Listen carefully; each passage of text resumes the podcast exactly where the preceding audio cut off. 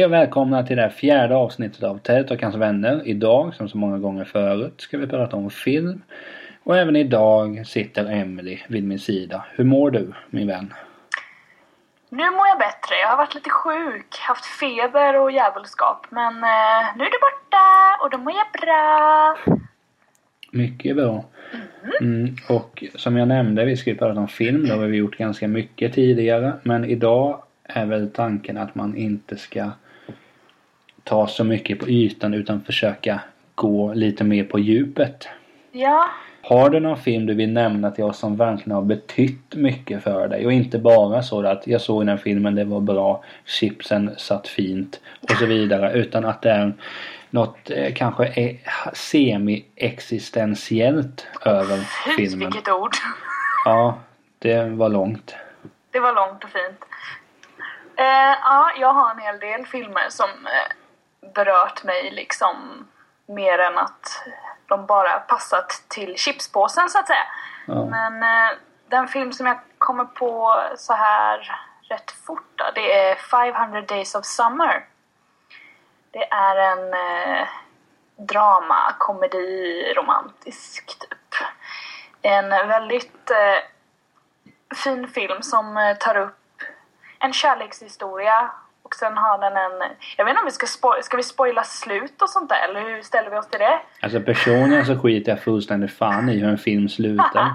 Men eh, det finns ju folk som inte gillar spoilers. Men alltså dra bara lite kvickt vad den handlar om. Ja, det handlar om eh, ett par som träffas på en arbetsplats.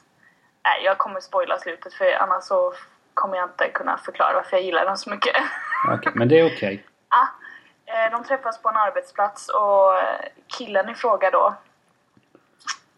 Tom som han heter eh, Han blir jättekär i Summer då.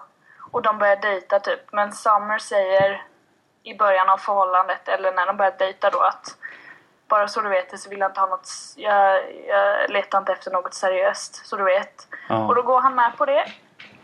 Och sen så håller de på och dejtar och sådär men sen till slut så kommer till den punkten att han vill Han vill att de ska vara seriösa. Ja. Men det vill inte hon. Shit. Och sen gör de slut. Och sen så handlar det om hur han, alltså hur han eh, liksom går igenom hela den grejen. Ja. Och det är väl det som jag tycker är så jävla bra med den filmen. Utan, alltså det är ingen klassisk kärlekshistoria. Men det blir inte det där att de träffas, de blev kära, de kunde inte få varandra, de får varandra. Nej, alltså de blir ju inte kära. Han blir jävligt kär. Men hon, Mm. blir, hon, hon är intresserad av honom. Men hon är inte så kär att hon liksom vill eh, ha något seriöst med honom. Vilket hon säger också till honom. Men Mm. han skiter i det. Utan han bara wow! I'm so in love! Och så bara kör han på. Och då tycker jag att den eh, filmen blir väldigt alternativ gentemot andra liksom. eh, Och den kan ju spegla väldigt mycket för jag menar det har väl säkert folk kan väl bara gå till sig själva. Det är väl många gånger de har träffat en, på- en eh, kille eller tjej eller och, och känt att det här vill man verkligen någonting men det inte har blivit någonting. För så har jag, jag ju känt så, ja jag vet inte hur många gånger. eh, Men det har nog alla upplevt. Att liksom, jo. när man hamnar i den situationen. Men vilka är en, en kvick fråga, vilka är det som, är det några, vilka är med i den här filmen? Det är Zoe Deschanel och Joseph Gordon-Levitt som har huvudrollerna. Ja, men det är ju ganska fin, fina skådisar ändå tycker jag. Ja, de tolkar karaktärerna otroligt bra. Eh, Zoe Deschanel är väldigt bra på att liksom vara den här lite... Jag vet inte om man ska säga det bossig, men lite så här avvaktande. Typ, eh, jag har mina gränser. Hon är väldigt bra på att tolka det. Så det och han... Eh, Joseph Gordon-Levitt är väldigt bra på att vara så här lite dumsnäll och Ja. tolka den. Men det jag vill komma till varför jag tycker om filmen då så jäkla mycket. En ärlig historia om hur det faktiskt kan vara och det är inget nu spoilar jag slutet. Det slutar ju med att eh, han söker jobb som eh, eh, arkitekt tror jag. Okej. Han är utbildad arkitekt men han jobbar inte med det. Men eh, tack vare Summer då, som han har, de har träffats och blivit vänner igen typ. Hon Mm. är förlovad med en annan kille. Ungefär. Och så går han och söker det här jobbet och då sitter en annan tjej där som heter Autumn. Det var lite kul. ja, den twisten är det på slutet liksom. Ja. Så det är, jag vet inte, det, det är både en väldigt sorglig film men en väldigt hoppfull film. Ja men jag menar det, det speglar ju. För att jag ska vara ärlig med att när du först berättade att det var en romantisk komedi så tänkte jag okej då är det klassiska att det slutscenen är att de står och hånglar vid en solnedgång. Nej, Och sen, ja men nu har vi visat att den inte är så. Eller visat, du har berättat att den inte är så. Det är alltså... Det är det som är så skönt med film att väldigt många har ju den här mallen. Framförallt i romantiska komedier att de blir kära. Sen kan de inte få varandra. Sen hittar de ändå till varandra i slutet. Så är ju de allra flesta eh, kärleksrullar.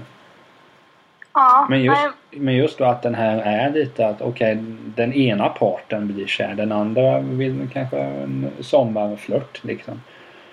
ja hon, är, hon tänker ju på sig själv liksom att hon, hon är inte säker men samtidigt så säger hon ju det, hon är ju ärlig mot honom. Men han ignorerar det för att han är så himla kär. Och, Och det ju, går ju att känna igen sig i så jäkla hårt. Jo, jo visst det, visst det. Så man känner verkligen hans ilska, hans frustration och hur hon liksom inte vill såra honom. Mm. Men hon gör det bara genom att vara ärlig. Ja. Men det är Det det. är ett riktigt bra koncept tycker jag i just den filmen. Man bara, ja, men så är det ju oftast. Jo, för jag menar det, det är ju väldigt sällan kan jag, eller jag kan inte mycket om, om relationer men jag tror det är väldigt sällan två direkt träffas person X och Y och sen båda känner direkt att jag vill gifta mig med den killen. Eller tjejen. Ja, eller, ja. De, ett par träffas de vill gifta sig direkt. Det känns som det sällan det blir så utan oftast är det nog gå till personlighet. Oftast har det varit så att den ena parten kanske, ja men där finns det någonting att jobba på. Nej, där finns det inte någonting att jobba på.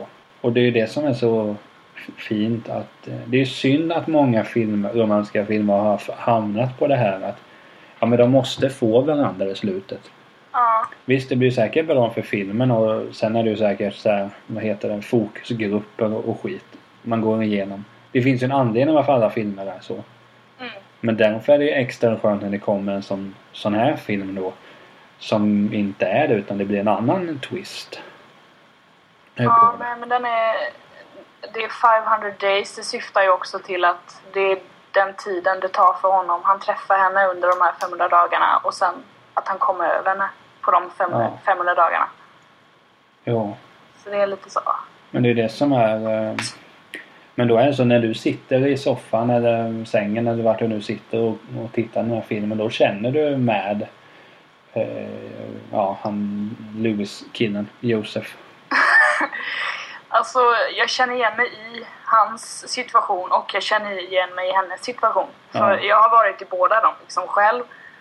Och då kan man tänka bara, okej, det, det är inte alltid självklart liksom när det gäller kärlek och sådär. Utan ibland kan det. vara att man måste och bara, alltså typ tänka lite, ska man säga rationellt kanske till och med.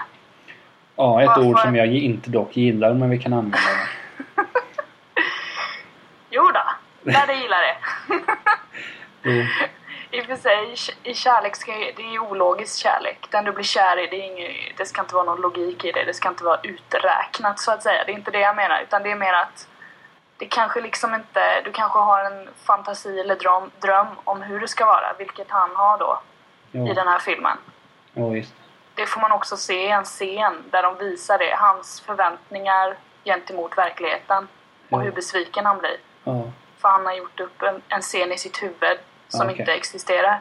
Och det är också så rätt liksom mot verkligheten för väldigt många tror jag. Och det Jo. gör filmen väldigt bra. Jo visst det är men och sen eh, kan jag tycka att så länge det inte följer den här traditionella Hollywoodmallen så är det bra.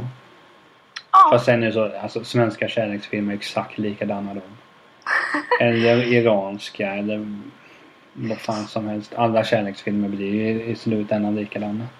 Ja, men sen man får inte vara emot det helt och hållet heller för en del en del liksom slutar jävligt lyckligt. Så är det bara också. Absolut. Men Jo. man ska vara väldigt noga med att det inte alltid är så.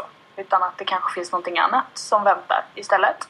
Jo men jag menar det är ju det att, att eh, Visst i en sån här situation det kan man ju bara gå till sig själv. Just där och då känns det ju som Mm. Ja det är ju inte kul.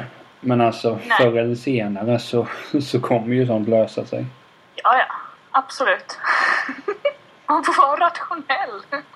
Jo, men jag satt och tänkte på, på en sak. Det, det är ett eh, lustigt, eh, vad ska man säga, en lust, ett lustigt hopp från en kärleksfilm till min första kärlek med en film. Eh, och det är ju ingen romantisk komedi. Det är egentligen ingen film överhuvudtaget. Nej.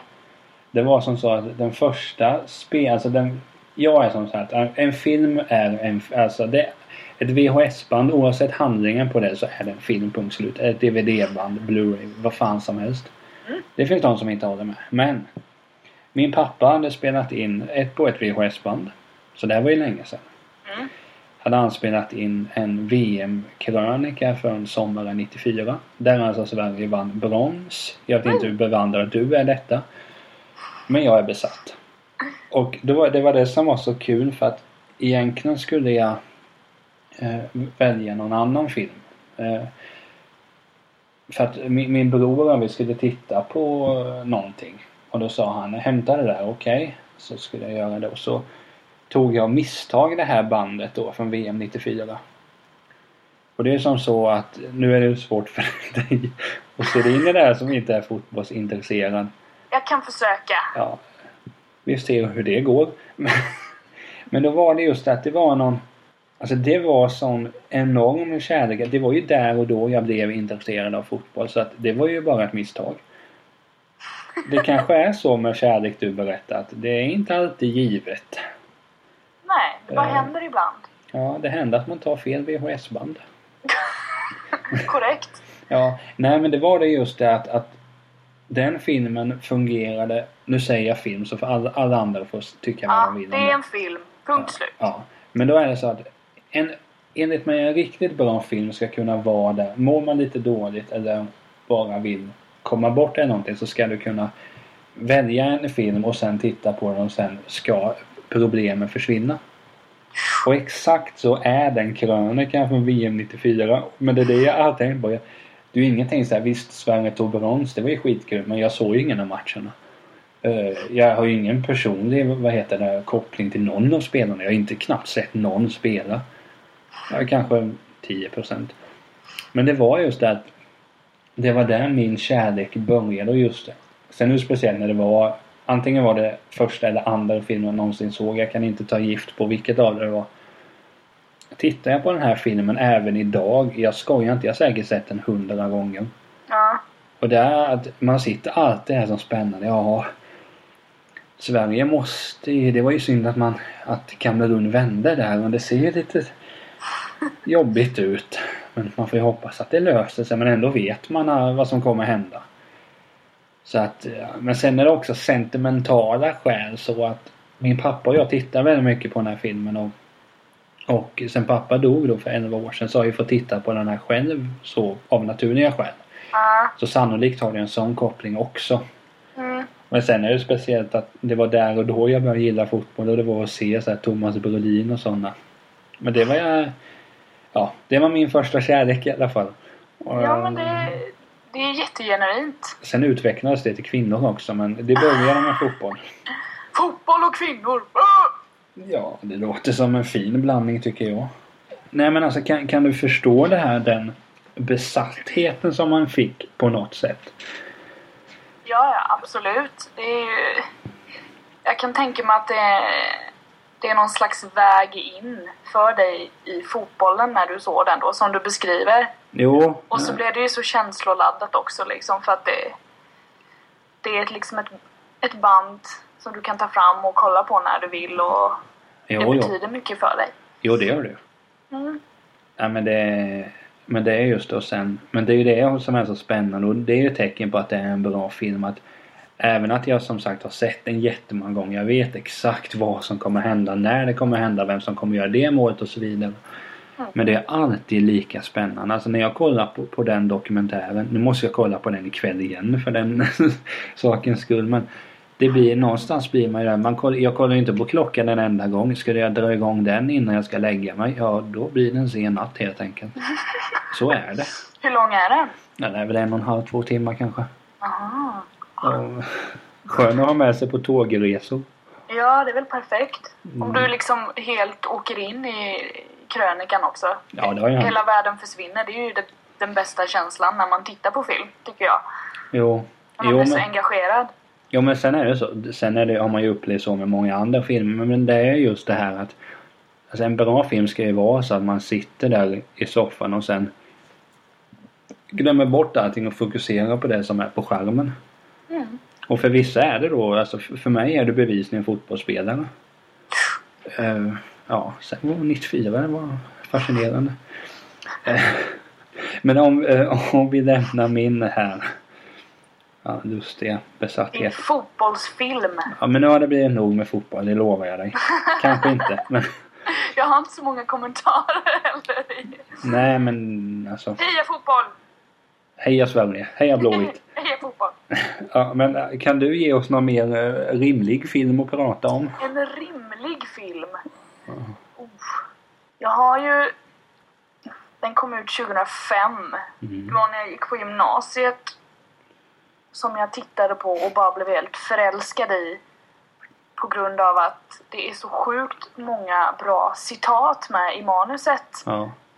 Det är helt otroligt. Varenda jävla mening som karaktärerna säger, man bara oh my god, it's so true.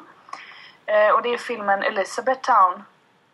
Jag tror jag har sett den men ge oss en, en handling och kanske några skådisnamn. Skådisnamn Orlando Bloom och Kirsten Dunst i huvudrollerna.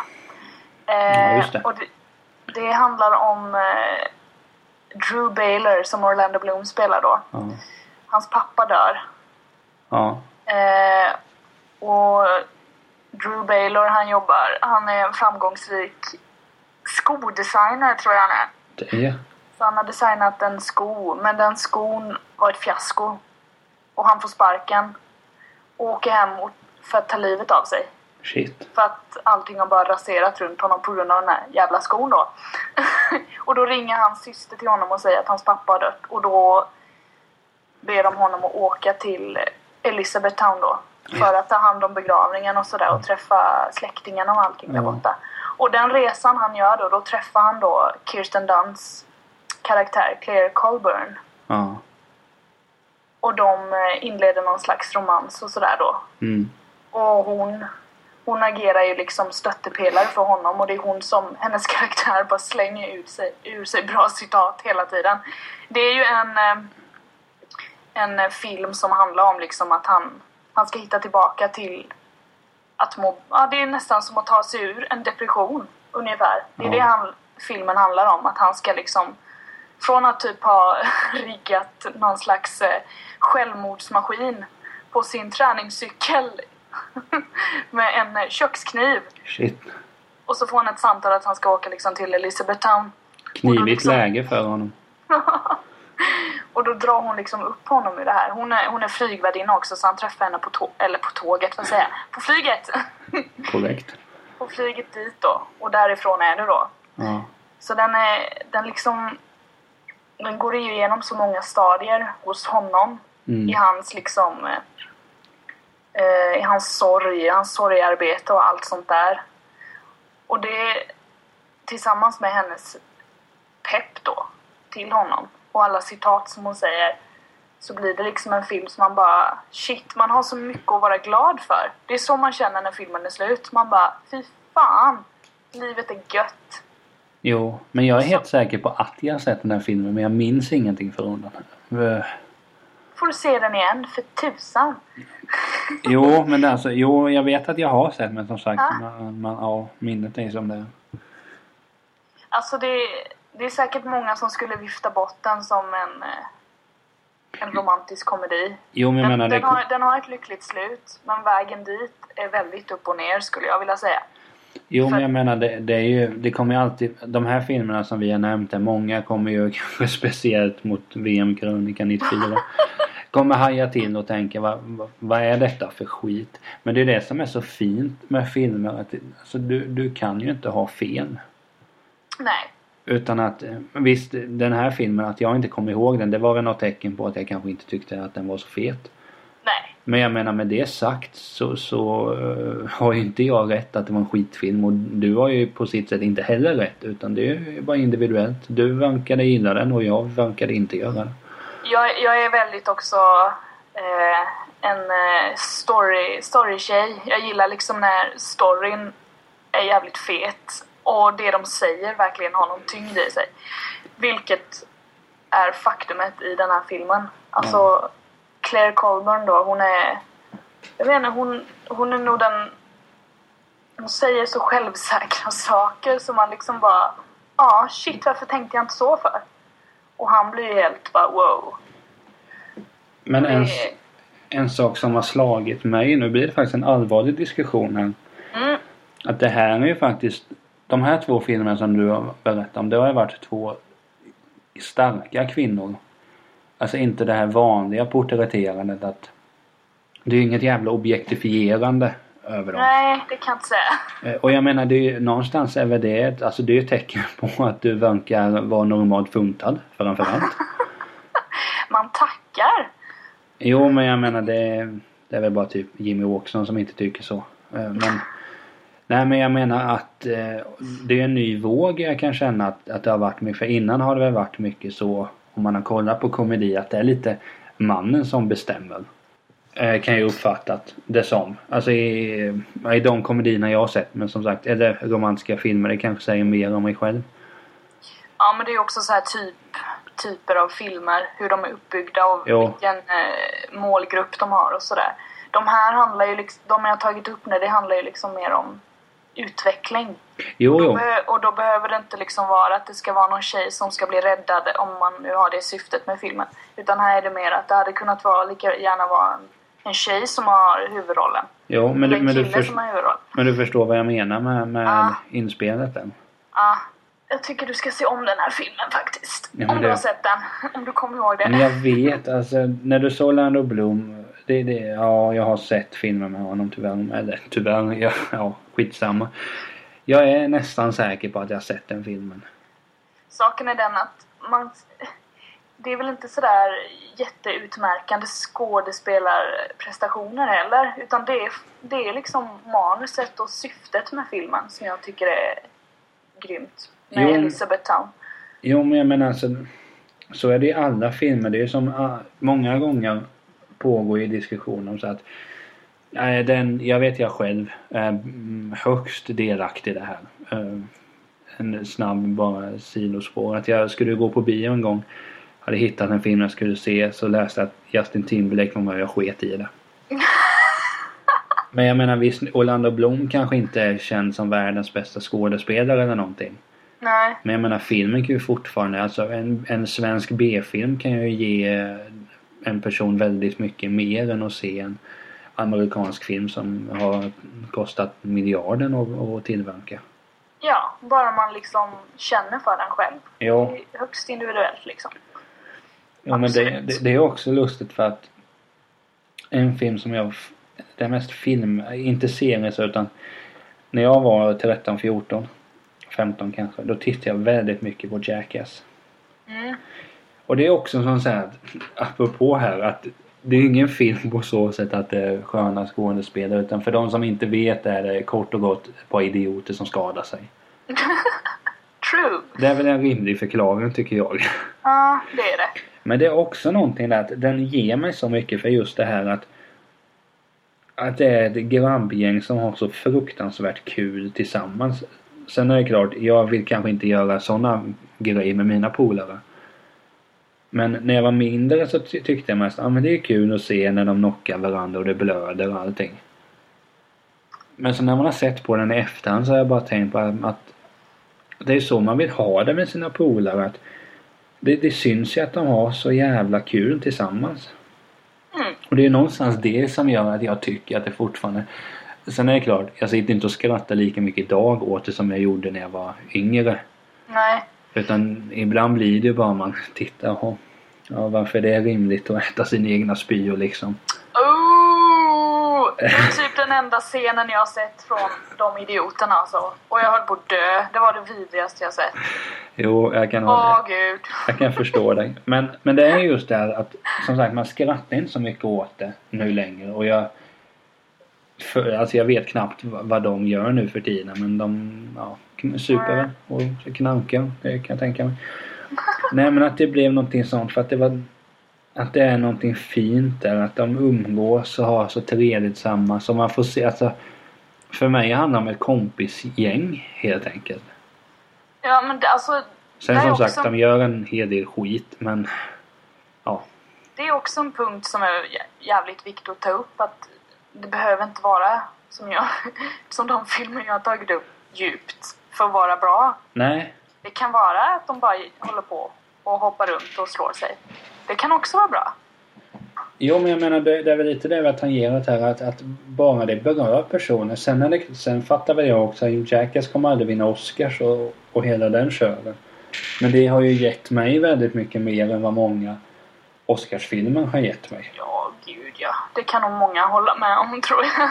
Jo, och det är ju det man är lite som så här att det alltså, för- min del, det behöver inte vara så jäkla fint och uppstyrt. Alltså det är, jag kan se folk som, ja, ger någon annan stryk och blir underhållda. Alltså inte bara för att få se en fight utan ha det så kul med mina polare. Det har jag visserligen men Ja. enda skillnaden är att vi inte spöar varandra. Eller äter spyor. Nej, det skulle jag inte vilja göra. Nej men det, nu har jag ju nämnt väldigt lustiga filmer här kanske. Eller typ Bajamajan. Den Den också såg jag kul. också. Eh, ja men de har några sköna där. ner. Eller vad fan de gjorde. Vad sa du? Åh gud. Jag lovar att jag, jag kommer skicka dig sköna klipp för de filmerna. Och tvinga dig att se på det. Åh, Sån sadist är jag. Nej men det är väl samma, egentligen samma sak där som du nämnde med Elisabeth Town. Att det kanske inte är världens, det kanske inte är så här, de bästa skådisprestationerna men det ger dig ju väldigt mycket. Ja, otroligt mycket. Den Sen kan man ju fråga egentligen så här, vad kan det ge mig och många andra att se folk bara vara idioter helt enkelt. Ja, Men någon, Precis. någon, någon nerv är det ju som, som blir underhållen och, och det är samma sak där när man tittar på det idag så kan man, ja, jag har väldigt svårt för att koppla bort saker och ting. Det är ett sätt för att få mig att koppla bort. ja. Men jag lovar att det sista filmtipset jag nämner det är en riktig film i alla fall. Det lovar jag. Att man blir så avundsjuk på att här är de vuxna män som inte behöver vara så manliga utan Ja, de kan vara lite som de är och bara ha kul med sina vänner och det vill väl alla ha.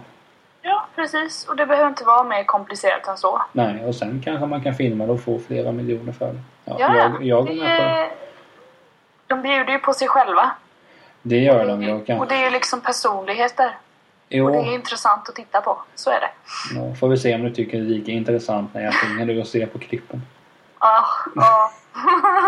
Hop- Hoppas inte, I'm du sitter, afraid! hoppas inte du sitter och äter då bara. Eh, nej. Ja, nej men nu har jag ju tramsat här med två filmer så nu får du ge mig en ordentlig film. Ah, nu kommer en till djup.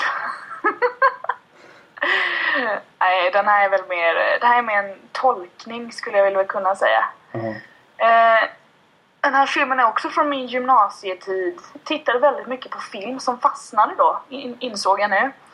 Eh, det här är eh, Sofia Coppolas Marie Antoinette. Ja, när du sa Sofia Coppola så var jag lycklig och tänkte att du skulle säga Lost in translation. Men, ja, det gjorde du inte. Nej! Den har inte fastnat. Sorry, men jag Det vet att den är jävligt bra. Jag har inte, det var jättelänge sedan jag såg den, men jag vet att den är bra. Ja. Se om den. Men Sofia Coppola är en av mina favoritregissörer. Hon har ju gjort, eh, fan heter den? Virgin Suicides också. Och The Blinnery. Ja, men den tyckte jag inte var lika bra. Men Ja, skitsamma. Ja, ja, skitsamma. Eh, Marie Antoinette då, den handlar då såklart om Marie Antoinette. Eh, och Sofia Coppola liksom tolkar hennes, hennes liv då. Mm. Eh, från att hon kommer från eh, Österrike är det va?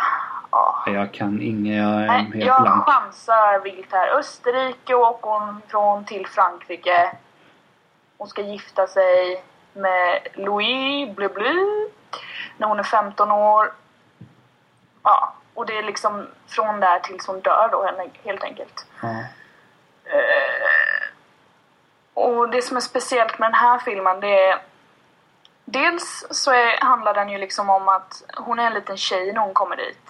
Hon är 15 bast. Hon fattar ingenting. Hon bara hon säger ja till allting och vill bara vara alla till lags. Och så träffar hon Louis då som hon ska gifta sig med Ja. och få barn med och liksom eh, regera en dag tillsammans med honom i Frankrike då. Ja. Ehm, sen så, eh, de, de liksom klickar inte och han vill liksom inte vara med henne och han, eh, han går sin egen väg lite. Och då får, han, då får hon liksom all skulden av folket då. Och Mm. hennes mamma en, har en väldigt stark eh, roll i det hela som hela tiden pockar på att de ska få barn ihop och liksom så. Ja. Men det går ju inte för han vill ju inte. Hon försöker, Marie då, men, Mm. men det går inte. Och, sen, och då liksom resulterar det i att hon, hon eh, ägnar sig åt andra grejer, typ eh, spela spel och umgås med sina väninnor och så här och festar och bla bla bla. Och så eh, ja, eskalerar det och sen, ja, jag tar inte hela storyn men i alla fall.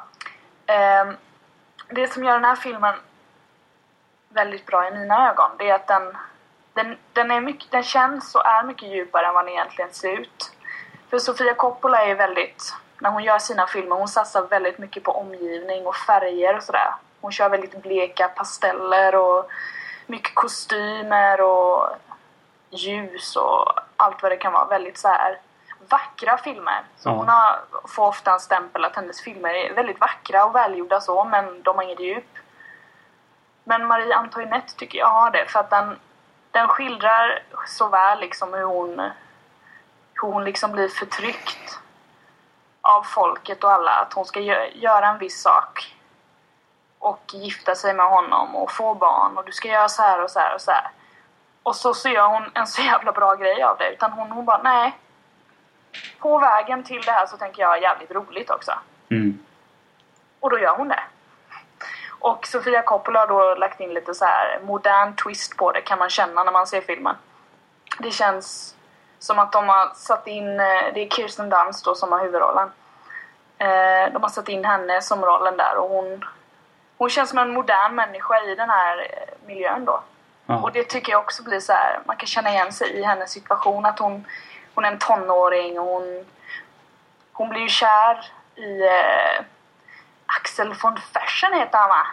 Och då kommer han dit någon gång, jag vet inte exakt. Och sen så blir de kära och har ett kärleksförhållande. Och sen eh, föder hon eh, hans barn då. Och då tror de att det är Louis och bla bla bla. I alla fall. Och då liksom får man följa hennes liv och det känns... Det känns som att man på grund av att hon gör någonting roligt och bra av den sorgen och den liksom maktlösheten hon egentligen har Ja. så blir det väldigt... Jag blir glad när jag ser på filmen. Även fast jag vet att det, det slutar ju med Marie Antoinette. Hon blev ju halshuggen. Det är liksom dit vi ska. Så det är ingen liksom glad film så. Men när man ser det ur hennes perspektiv och hur hon hade det så bara fan. Hon hade det, alltså hon gjorde det bästa av situationen. Även om hon... Hon tänkte ju bara på sig själv. Ja. Men hon kunde inte göra någonting annat. Eftersom det var så mycket tryck mot henne. Så hon, hon fick göra det bästa av situationen helt enkelt. Och bara, nej. Let's have fun. Jo men det finns väl inte, så, det finns väl inte så mycket annat att göra egentligen utan ja. När, när det väl kommer till kritan så är det viktigt att du själv mår bra. Ja, jag tror att hon liksom kom till den eh, punkten att hon bara, nej. Louis, han skiter i mig. Han gör sin grej, då gör jag det också. Sen får folket hata mig. Det var väl mer att det är en punkt i filmen då hennes bror åker dit och pratar med henne mer allvarligt och typ tar upp det här hela att det kan bli krig och grejer mellan länderna om hon inte eh, får barn tillsammans med Louis då. En liten rebell. Ja, men det, precis, precis, det är det jag gillar. Hon, hon är liksom lite rebell. Vilket hon halshuggs för sen i slutet. Eftersom de, ja det är väl franska revolutionen eller någonting tror jag. Som inträffar. Jag vet, jag kan ingenting om det men ja. I alla fall, en mycket bra film. Rebellisk. Mycket bra ord. Jo, det är ett fint ord. Um, Ja, jag gillar det. alla ska leta efter att vara rebeller. Ja. Ja, men den här filmen tror jag också att jag har sett på något sätt. Mm. Jag tyckte inte heller om den. Men det har vi ju sett nu att, eh, ja. Jag ska Den, inte... den vann en Oscar också för bästa costume design. Precis Det- som jag sa. Det är ju fett. sjukt snygg film. Men jag tycker den har så mycket mer än det. Jo men det är väl det. Ja, alltså jag vet inte vad, vad, vad man ska säga. Du, du pratar väldigt gott om den här Mm. eh, filmen och sen känns det dumt att man ska sitta och säga oh jag tycker så här när man inte sett den. Men däremot Alltså det, det, det kan ju vara viktigt att Alltså jag, jag kan tänka mig att den har gett jävligt mycket för Alltså om, om man Jag är väldigt inne på det här med feminism nu.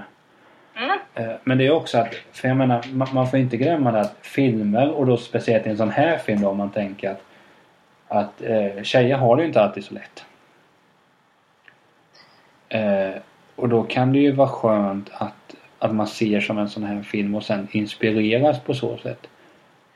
Ja, det, ja, jag kan hålla med till viss del där. Jo, nu vill man ju inte att alla ska bli halshuggna. Eller? Alltså min, min, eller, min inspiration från filmen var inte att hon, att jag liksom inspirerades av att hon eh, inte hade, visst hon hade inte lätt absolut. Nej men jag tänker som min- så här, jag tänker allmänt på, på alla de här tre filmerna du har nämnt. Så Ja. för mig har det handlat om Alltså det har inte varit den här klassiska filmkvinnan. Att Nej, hon är är snygg, det står vid spisen, mannen kommer hem, de kysser varandra, mannen är otrogen och hon vet inte vad hon ska göra. Det lät ju mer som ett Mad Men avsnitt visserligen. 50-talspolitik. Ja men det, jag kom på mig själv att det låter som vilket Mad Men avsnitt som möjligt. Nej men, Nej men alltså att, att man ser det som i den där första filmen att där är minsann mannen som får tråna. Och Ja. väldigt många kvi- filmer är det tvärtom. Att kvinnan bara sitter och väntar. När ska han ringa? Och hon ringer in sina kompisar. Hur ska vi göra? hur ska vi göra? För det finns ju en del filmer som, är, som har ett sånt tema. Eller som på, så, på ett del plan är äckliga på så sätt. Att, att, det, att det bara är sådär att, att det, här är det minsann mannen som bestämmer. Det finns ju någon film, jag vet inte vad han heter, kort sida. Det är så jättebra skådespelarnamn med. Jennifer, Jennifer Aniston är med, Jennifer Connelly, Scarlett Johansson och Bradley Cooper och Ben Affleck och allting. Och det handlar ju om olika berättelser. Som handlar om kärlek såklart. Jag tror den heter typ så här He's not just that into you eller något sånt där. Skitsamma. Det är en jättedålig film. Okej. Men där är det just, för då får man ju följa de här, men då är det just att där ser man bara hur mannen verkligen bestämmer. Att Bradley Coopers figur, och då är han han är eh, manager på något sätt. Så träffar han Scarlett Johansson och minsann, nej han vill ha henne också. Då har han det också. Nej men jag menar att därför är det ju Jag blev ju glad att du nämnde sådana filmer istället för att eh, istället för att nämna ja, den filmen jag just nämnde. Vad den nu heter. Nej men du förstår du vad jag menar att, att det är ju inte det här i de filmer du har nämnt så är det ju inte det klassiska att att tjejen är underordnad. Nej, alltså just till den grejen att tjejen skulle vara underordnad. Eh, jag kan inte komma på några filmer faktiskt som Alltså, är alltså, uppenbart sådana. Underordnad är väl kanske fel att säga men i, alltså, i de flesta filmer i alla fall jag har fått en uppfattning att det är väldigt mycket så här, Men det är ju som samhället i sig ser ut. Alltså vem som helst med öppna ögon ser väl eller de vet väl hur den allmänna kvinnobilden ska se ut i media. Alla filmer är olika och bara man mår bra av att titta på den så får den eh, se ut hur fan som helst. Jo fast där, då måste jag gå emot dig här. Du gick emot mig om Jill Johnson. Ja, varsågod. Nu går oh, jag vill, du emot höra, den. vill du höra en grej om Jill Johnson Att hon, först? att hon kommer till Kalmar. Eh, nej, jag fick höra i helgen att jag sjöng som Jill Johnson. Jag beklagar. Nej, jag blev väldigt glad för hon sjunger jävligt bra. Så jag tackade. Ja, men Just hennes ödmjuka. bristande tankeverksamhet har smärta, har... Nej. Nej men däremot kan, kan jag hålla med dig att eh, jag håller inte med dig i det att du, du sa att en film är den bra så är den bra, då kan man titta på den. Mhm. Jag har problem att se så att alltså Egentligen kan jag inte säga det för jag tittar på Entourage och det är väl för fan en serie som verkligen köper eller kör mycket med med objektifiering och sånt. Alltså i regel att jag nu för tiden har jag så svårt att se sådana där filmer när det är så typiskt att Man vet exakt hur det är. Det är mannen som eh, bestämmer. Men det kan ju också varit vilka... Men baserat på de romantiska filmer jag har sett så är det väldigt ofta så att det är, att det är kvinnan som får, får jaga. Och sen löser det sig till slut. Så det jag skulle komma till att, att nu för tiden då hade man inte problem med det. Men nu skulle jag nog ha problem. Inte problem att se. Men att man skulle, jag skulle i alla fall haja till. Jaha, det var en till film i eh, i den här svängen som handlar om att de ska ha varandra men ja, bla bla bla bla bla. Och det går som det går. Tjejen får tråna. Men som sagt, det kan ju bara göra med att man tänker i... Ja, det är ju vad nu som man tänker i, de, i, i de banorna så... Du är väldigt inriktad. Ja men nej men för, förstår du lite mer nu efter min bristande förklaring? Jo, jag förstår. Jag förstår. Och jag respekterar det. Ja. Eh, Men apropå då objektifiering. Männen ska ju ofta vara starka i filmen. Mm. I filmen Ghostbusters. Där är det starka män. Kanske inte fysiskt starka. Eh, Men det är också en sån här film, kommer från barndomen.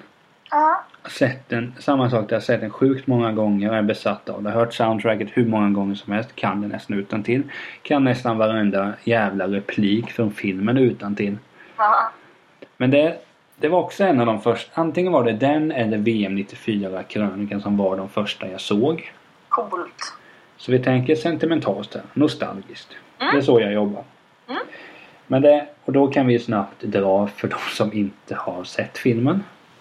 Jag har inte Ja. sett den på jättelänge, så varsågod. Ja, då ser du den ikväll. Eh, kanske. Svar negativt. Eh, nej men det handlar ju då om att i New York så är det tre personer först som, som jobbar på ett universitet med eh, parapsykologi. Och så visar det sig att ett bibliotek har besök av ett spöke. Så åker de dit och kollar och de ser ju spöket och kommer i kontakt. Eh, men detta är en typisk sån här film. Det ska byggas upp, det ska gå dåligt, sen avslutar man på toppen. Eh, det kan man tycka vad man vill om men men just det här var ju en av de första filmerna jag såg. Men då när de kommer tillbaka från biblioteket så får de kicken från universitetet. Eh, Ja, och startar egen business och det går bra. Eh, Så, så det kan man dra kort. Och, men jag tror de flesta har sett det. Men då är det just det att Dels de är nostalgiska, att det, man såg den ofta med, med syskon och hela den här biten. Men det är samma sak där. Att den, tittar jag på den Jag har ju säkert, eller jag har ju problem med tålamod. Tålamodsproblem. Ja, har man inte problem med? Nej men när man, när jag tittar även på Ghostbusters, nu pratar jag bara om Ghostbusters 1 för övrigt. Mm, Tvåan är inte okej. alls lika bra. Nej. Men i ettan är det någonstans att man Alltså det, det är inte så att jag tror inte på spöken, det gör jag inte. Men det är någonting speciellt med här. Sen är det så bra skådespelarnamn med. Bill Murray med till exempel. Den, fra, av, den nyss avlidne Har- Harold Ramis har ju skrivit filmen. Ja. Det är jätte, alltså det är elitnamn inom, inom komedin som är med. Det är ett riktigt all-star team. Mm. Men det är nästan samma sak där att det är män i grupp som gör någonting tillsammans. Det verkar vara det jag är inne i nu för tiden. Vi har liksom två starka kategorier du och jag när det gäller film. Ja, jag har män i grupp, du har starka kvinnor. Jo men det är väl någon fin tanke det i och för sig. Absolut. Eh, nej men då är det just att man ser att att det är lite det också att på ett sätt har den inspirerat att visst nu är det en film. Men just att de, de, det kan, att de har ett mål. De vet vad de vill göra. Det är inte så lätt. Nej men då får man ta saken i egna händer. Ja. Mycket bra budskap. Och jag menar lite så är det ju med den här podcasten att, att jag drömmer ju om att jobba på Sveriges Radio någon gång. Men då kanske man borde sätta igång och försöka på, tillverka någonting som kanske blir lockande. Precis. Ja, men jag menar man kan ju inte göra, och det är som med din sång. Man, det är inte så rimligt om du skulle sitta på sängen och, och få- jag vill så gärna sjunga och lägga ut min musik. Hur ska jag göra? Ja, du har tusen möjligheter. Tusen möjligheter. Nej, men det är ju och sen på, på så sätt har den gett mig mycket som, som barn att det går, allting går. Mhm. Men sen är det just det. Sen har man Många av de här skådespelarna som är med är ju Bill Murray är en av mina favoritskådespelare. Han är härlig. Eh, fint där på Oscarsgalan när han hedrade Harvard. Ja just det. Ja gud. Oscarsgalan som jag såg live. Mitt i natten. På Men det, morgonen. det var ju också, han är ju så jävla rolig Bill Murray. Det var ju Ja. samma sak. Den, jag tror han presenterade bästa manuskript eller någonting. Mm. Och då nämner han ju, vi kan lägga ut det här klippet också, men först nämner han ju de som faktiskt var nominerade. Ja. Och sen nämnde, oj ursäkta jag glömde Harold Ramis och så nämnde han typ alla hans filmer. Mm. Och det var ju, alltså på, på ett kreativt sätt var det en fin hyllning. Mm. Men ja, sen sägs det att de var osams men ja, då gjorde han ju någon, då var det väl extra fint att göra detta då. Absolut. Eh, men nu snackas det om att göra en Ghostbusters 3 och om det blir av så kommer jag inte se den. Kan ju sluta illa. Det kommer sluta illa. Det kommer sluta illa. Nej men då, och det är samma sak där. Att det, det är sentimentala skäl med Ghostbusters. Att jag tittade mycket med familjen på den. Eh, och med min bror fr, framförallt. Sen var det ju när man är så här 6-7 år så är övernaturliga grejer jättekul. Ja men det är det. Och lite läskigt. Ja, alltså det är klart. Det är när man tittade på den första gången sen när man var fyra år eller någonting. Det är klart. Jag sprang säkert in till morsan och farsan och, och slaggade den. För Ja. att man hade drömt om spökena. Det kan ju... Det, det har hänt. Det vet Ja. jag. Så är det. Men det är ju det som är... Ja men på, när man är i den åldern så, så är ju sånt kul. Men faktiskt öppningsscenen blir jag fortfarande lite rädd för. Det är samma sak som det VM för att jag vet exakt vad som kommer sluta men man sitter där. Hur kommer det lösa? Kommer, vem kommer vinna straffläggningen? Och det är ingenting jag alltså, säger för att göra mig själv till en speciell figur utan det är så jag känner varenda gång jag tittar på det. Ja, och då är, det ju något, då är det ju jävligt bra. Ja men det är det. Men i Ghostbusters då vid första scenen så har de kommit till, till eh, biblioteket och ser det här spöket. Mm. Nej förresten, det är andra scenen. Fel. Första scenen är att det är en gammal bibliotekarie, dam, kanske 70 år. Så går han där och försöker sortera kvitton och sådär. Och så ser man att alla kvitton eh, fladdrar upp. Mm. Och då fattar man ju, det är ett spöke. Och så springer hon runt så här va, och man ser ju ingen spöke.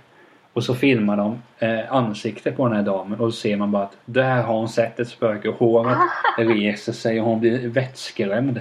Mm. Jag blir vettskrämd framför TVn. Visst, det är inte så att man sitter där med kudden men jag- hajar till varenda gång. Men då är det samma sak där. Då är det ju en bra film att det, väcker någonting varenda gång. Och sen vissa scener kan man ju titta på. Hur många gånger som helst bara för att titta att den är så snygg. Sen är det mycket komedi så här. Ja men det är det va? Ja men ja det är en eh, komedi, står det på DVD. Men då är det när de är hos borgmästaren så frågar de sen bara, Vad vill ni göra för att eh, ta bort det här spöket? Mm. Och så säger de ingenting så har, har de, ska de ha poliseskort och det ska vara fans, folk som står där och klappar åt dem och allting. Sen det är ju lite schyssta citat där i de filmerna också. Jo men det kan jag tänka mig.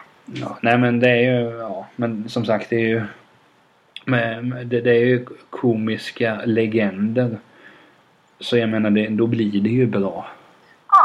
Det är svårt att misslyckas då liksom. Ja, det gör man väl om det blir en tredje film men bara att de ens pratar om det är ett stort jävla misslyckande. Ja vi får väl se. Ja, jag hoppas inte det blir någonting men du hade, alltså kommer du ihåg någonting från Ghostbusters? För nu tänker jag, nu nämner jag ju en riktig film. Alltså är det i tvåan det är ett rosa slime? Ja, det är tvåan, ja. Det ondskeslimet som samlar sig um... Just det. Det är, den filmen minns jag. Men inte ettan. Nej. Eller ettan, är det någon eh, gubbe i en tavla? Nej, det är också tvåan. Det är Är det Vigo. också tvåan? Fan. Nej Karpatianen. men då har jag nog inte sett ettan ens faktiskt. Bara Rösten där, Vigo, det är faktiskt en svensk som har den rösten. Max von Sydow som har rösten där. Ah. Fast han är uncredited i filmen. Men i tv-spelet är han credited för den rösten. Woop, woop. Där fick du den faktan. Ja, mycket bra. Nej men ettan tror jag... Nej, jag såg nog inte den när det väl begav sig. Och sen har jag inte liksom tänkt på det faktiskt. Nej. Ja men då är det nu. Du har ju nämnt tre filmer här du och jag. Ja, men jag har sett dem och det har inte varit så kul har jag sagt. Så då är det väl inte mer än rätt att, att du inte minns Ghostbusters. Fast ja, det är din förlust. Men lite, men det är också det Ghostbusters som sagt. Sentimentala skäl. Sen är den ju fortfarande bra. Sen är det klart att specialeffekterna är ju inte bra. Filmen gjordes 82 men det är också, lägger också till någonting att det skaver men det är fint på något sätt. Vi bara tittar på Jurassic Park. Jo, det skaver ju där liksom också. den är, är jag jävligt impad av. För specialeffekterna, de funkar fan fortfarande idag. Alltså typ dinosaurierna och allt det där. Man bara uff. Jo, men då har man ju Det är verkligen... sjukt. Sen hade ju den filmen ganska hög budget också. men- Jo, de använde förmodligen det allra, allra, allra senaste då. när det kom. Ja. Så det är häftigt. Och så att det fortfarande rimligt. håller standard liksom. Men vi tänker som lite kort. Är det någon... Do- nu har vi pratat om spelfilmer i regel. Mm. Ja, kanske inte jag. Men är det någon dokumentär du kommer på som har betytt mycket för dig? Oh. Eh, jag såg Blackfish för inte så länge sedan. Lite snabbt, vad handlar den om? Den handlar om eh, SeaWorld och späckhuggarna där. Alltså, inte, för att vara negativ, men det lät inte kul. Man blir skitförbannad när man ser den filmen. Jo, det kan jag ha. Det Fy kan jag tänka fan vad sur man blir. Det handlar ju om... Jag tittar ju på många dokumentärer. Den senaste som jag riktigt blivit besatt av. ja. Jag börjar med fotboll VM 94. Jag avslutar med fotboll VM 94. Åh, Snyggt! Eh, Nej men då är det en dokumentär som heter The Two Escobars. Och det handlar ju om eh, maffiabossen, knarkkungen, legenden. Pablo Ja. Escobar känner du säkert till. ja, jag känner igen det. Eh, och eh, han... Eh, när han då härjade som mest, eller som värst kanske man ska säga, i slutet av 80-talet då skulle ju han ha något lagligt sätt att tvätta pengarna på eller vad man ska säga. Eh, Mm. och då valde han ju att gå och eh, ja, gå in med pengar i fotbollslag. Så han var en av de första som, vad jag vet, som gick in med pengar och kunde köpa spelare och hålla kvar. Och då i hans lag var det en lovande spelare som också hette Escobar i efternamn men som hette Andres i förnamn. Och han var ju en av de bästa. Mm. Eh, och då handlar den här dokumentären om att Eh, dels då Pablo Escobar att de blev så, de colombianska spelarna blev så fästa vid honom så de var ju kompisar med honom. Eh, så den handlar ju mycket, det handlar om de två då ödet och se att eh, hur Pablo byggde upp eh, colombiansk fotboll och efter han dog så gick det ju faktiskt sämre. Det är ju först nu det har börjat bli bra. Eh, och så är det ju, måste ju vara lite tragik i det också att Andres Escobar, fotbollsspelare, han blev ju skjuten efter VM-slutspelet. Eh, för han gjorde självmål i en EM-match mot USA. Och då var det ju rivaliserande gäng till eh, Pablo Escobar då, knarkbaronen, kungen, som sköt honom. Eh, Okej. Andres då. Och för att han gjorde självmål och de hade ju spelat att Colombia skulle gå långt och då blev ju han Ja, han blev ju syndabocken naturligtvis. Och sen var det väl bra att han hette Escobar emellan efternamn så de får knäppa en till så. Eh, Så den handlar mycket om det. Och eh, det var en ganska sladdrig förklaring men jag skrev ett blogginlägg om den som ni gärna kan läsa. Ja, är bra. Men det är, en det är också någonstans en, en dokumentär. Nu, du som inte gillar fotboll kanske inte uppskattar men det är kul att se det. Det är ju lite intressant att se att att ehm, just det här att det är en maffiakung som och de såg inga problem med det. Att han var ja, var han fick pengarna ifrån helt enkelt. Det var ju, ja, de fick ju lön. Visst en del eh, var väl inte så glada åt det kanske men Nej. Nej men den är väldigt vacker. Då är vacker ska man inte säga. Det är inte vacker när någon dör men. Den är väldigt vackert gjord i alla fall. Ja. Och det är intervjuer med folk från. Men som sagt. Det, det är nog bra om du har ett fotbollsintresse om du tittar på den. Jag kanske är ignorant. Det är kanske är därför jag inte gillar fotboll. Nej men. Nej jag tror inte min mor skulle tycka om den heller. Eh, Och hon är inte heller ignorant men hon gillar inte fotboll. Jag har uppskattat en ishockeymatch en gång i mitt liv. Så då kanske jag kan uppskatta en fotbollsmatch i Det mitt liv heter också. inte ishockey, det heter hockey. Varför heter det inte ishockey nu Det tar då? vi ett annat avsnitt. Jag har en issue med det. Okej. Det låter bara fel att säga ishockey. Isbandy. Att det... Har du någon dokumentär? Ja, den hette Blackfish Ja. i ett ord. Jag skrev särskrivning. Det var inget bra. Eh, Blackfish. Eh, den handlar i alla fall om SeaWorld och de eh, späckhuggarna som de fångar in. Och då är det främst om Ja. Heter den späckhuggare. Han har dödat tre eller fyra tränare genom Shit. sitt liv. I sitt liv i fångenskap då. Ja. Och då tar de upp i den här dokumentären hur späckhuggarna har det, vad de gör och sådär. Och varför de blir sådana så att de liksom kan faktiskt döda tränarna. Jo. Och man blir så... Man blir så jävla förbannad när man tittar på den för man... Visst, det är liksom en... Det har blivit en sån här multimiljardärsgrej. Att de tjänar så sjukt mycket pengar på att folk ska åka till SeaWorld och se på delfinshower och späckhuggare som hoppar och gör konster och sånt där. Men när man har sett den här dokumentären så fattar man inte varför de inte bara skiter i det. Och- Och bara hittar pengar någon annanstans för det är så jävla sorgligt.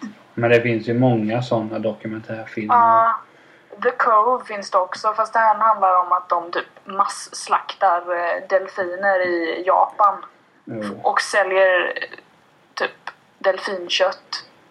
Är det Och gott? säljer delfin... Nej jag vet fan, den... jag blev också skitsur när jag såg den.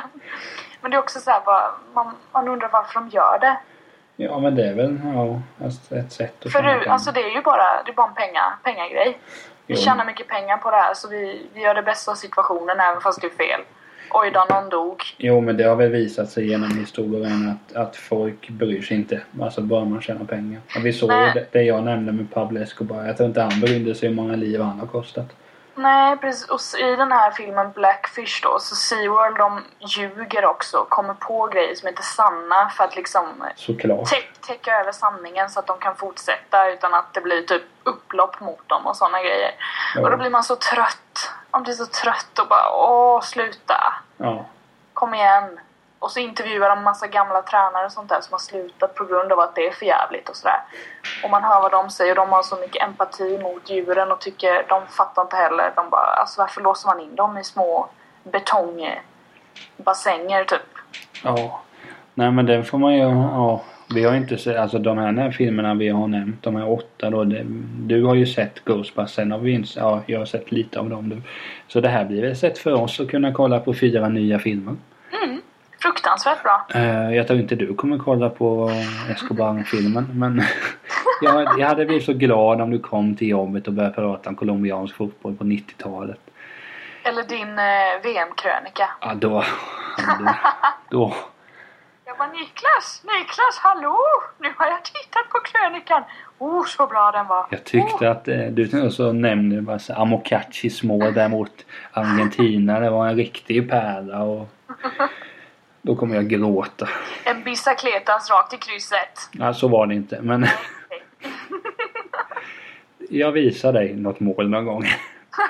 Du får göra det. Ja, nej men eh, vi, det kan ju faktiskt bli så att dessa att detta ämne kan, kan eh, vara med i något annat avsnitt. Det är ju ingen omöjlighet på något sätt. Nej. För film är ju som ni har förstått eh, ett viktigt ämne för Emelie och mig. Eh, och sen är det väl lite skönt att vi inte att vi har lite olika filmpreferenser kan jag tycka. Så det inte blir jag, att vi... jag tycker inte om när man tycker likadant. Eh, nej.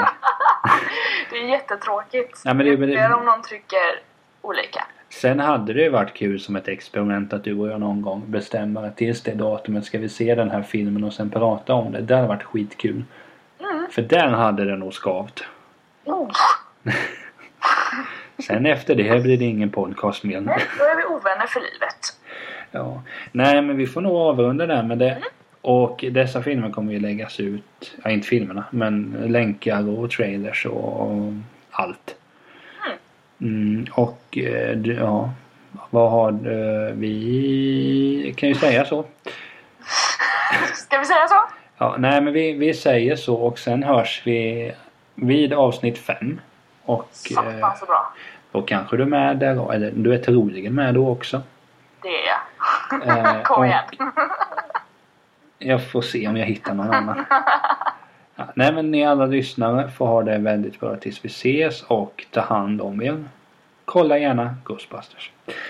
Eller någon annan av de här åtta filmerna vi har nämnt. För den delen. Mhm. Lyssna in tidigare avsnitt och framförallt lyssna in kommande avsnitt. Och så säger jag hej då till dig Emelie så ses vi på jobbet.